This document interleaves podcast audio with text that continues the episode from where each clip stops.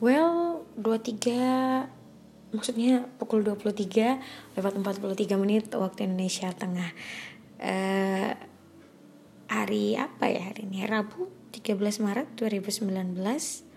Saya Soraya. Seperti biasa isi podcast saya ini kayaknya sesuatu yang tidak penting gitu. Ya, namanya juga dibuat iseng-iseng. Jadi sebenarnya saya pengen banget baca puisi tapi tidak pernah diperbolehkan oleh teman-teman karena katanya saya tidak pintar baca puisi. Tapi kalau misalnya ini podcast saya ya terserah saya dong ya. Jadi sedikit uh, cerita tentang puisi ini. Jadi uh, puisi ini ditulis oleh Krisna Pabicara Pertama kali saya mengenal atau mengetahui keberadaan Krisna Pabicara itu waktu pertama kali ikut MIWF di tahun 2015. Semoga saya nggak salah ingat. Di situ beliau datang kemudian membacakan salah satu puisinya judulnya Riwayat Luka. Dan pulang-pulang saya jadi kayak terluka-luka gitu. Lebay sih emang ya. Tapi kata-katanya itu sangat sangat sangat sangat sangat apa ya sangat kaya kaya sama diksi kemudian ya itu dia tadi benar-benar bikin kita merasakan bahwa ini sakit banget tapi sesakit-sakitnya rasa sakit ntar juga pasti bakalan sembuh. Jadi daripada saya ngomongnya panjang lebar kan. Nih Krisna bicara? Riwayat luka. Kita sepakat meninggalkan masa silam tetapi kita suka diam-diam mengunjunginya lewat hujan, lewat ingatan. Kita suka diam-diam mengunjunginya. Kesedihan kita biarkan berumah di mata, sekulum senyum disamarkan oleh jarak dan pelukan. Kesedihan kita biarkan berumah di mata. Luka adalah puisi, luka adalah puisi, luka adalah puisi, rimbun di kebun masa lalu sebagai kita. Kita sepasang merpati dengan rindu memusim, sedang menggugurkan kenangan yang hujan di dada. Seperti angan, angin musim penghujan ditakdirkan sebagai pemutar kenangan.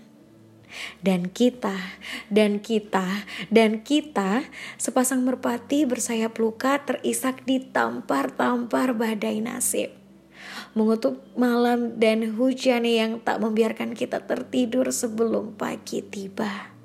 Sepasang merpati bersayap luka, terisak ditampar-tampar badai nasib. Aku bisa saja pergi meninggalkan dan menanggalkan kenangan. Tetapi aku senang menunggalkan kamu dalam ingatan. Aku senang menunggalkan kamu dalam ingatan. Aku mencarimu di sela-sela jari-jari hujan yang kudapati sepampang kenangan. Sepampang kenangan. Rindu memang rumah segala kesedihan. Rindu memang rumah segala kesedihan. Rindu memang rumah segala kesedihan. Barangkali. Meski begitu, aku terus bernyanyi menidurkan kamu di dalam mimpi. Di sana, tubuhmu terbuka mengundang pagi, membawa cahaya dan embun pembasuh luka. Jendelangan terbuka, matahari tiba lebih pagi. Matahari tiba lebih pagi.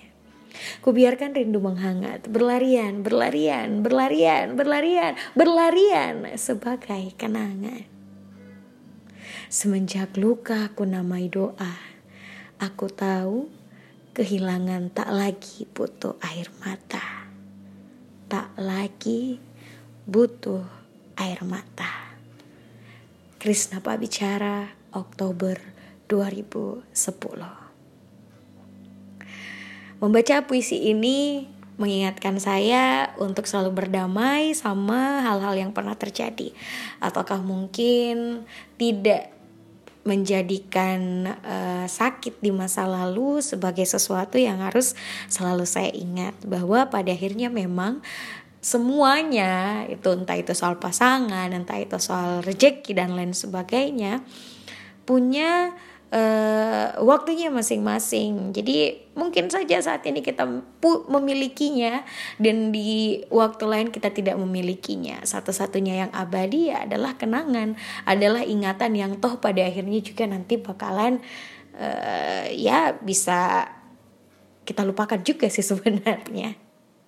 Tapi puisi-puisi dari Krishna Pabicara ini bikin saya selalu uh, apa ya pokoknya selalu merasa senang kalau sudah dibaca entah itu puisinya yang sedih atau mungkin bahkan puisinya yang ya saya senang dengan Krishna Pabicara itu dia tadi ya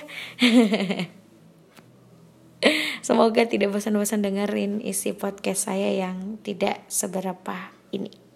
Selamat beristirahat yang mau beristirahat. Semoga damai selalu ada dalam hati kita. Beristirahatlah dengan menyenangkan dan bangun tidur dengan perasaan yang luar biasa dan tentunya penuh energi positif. Dah.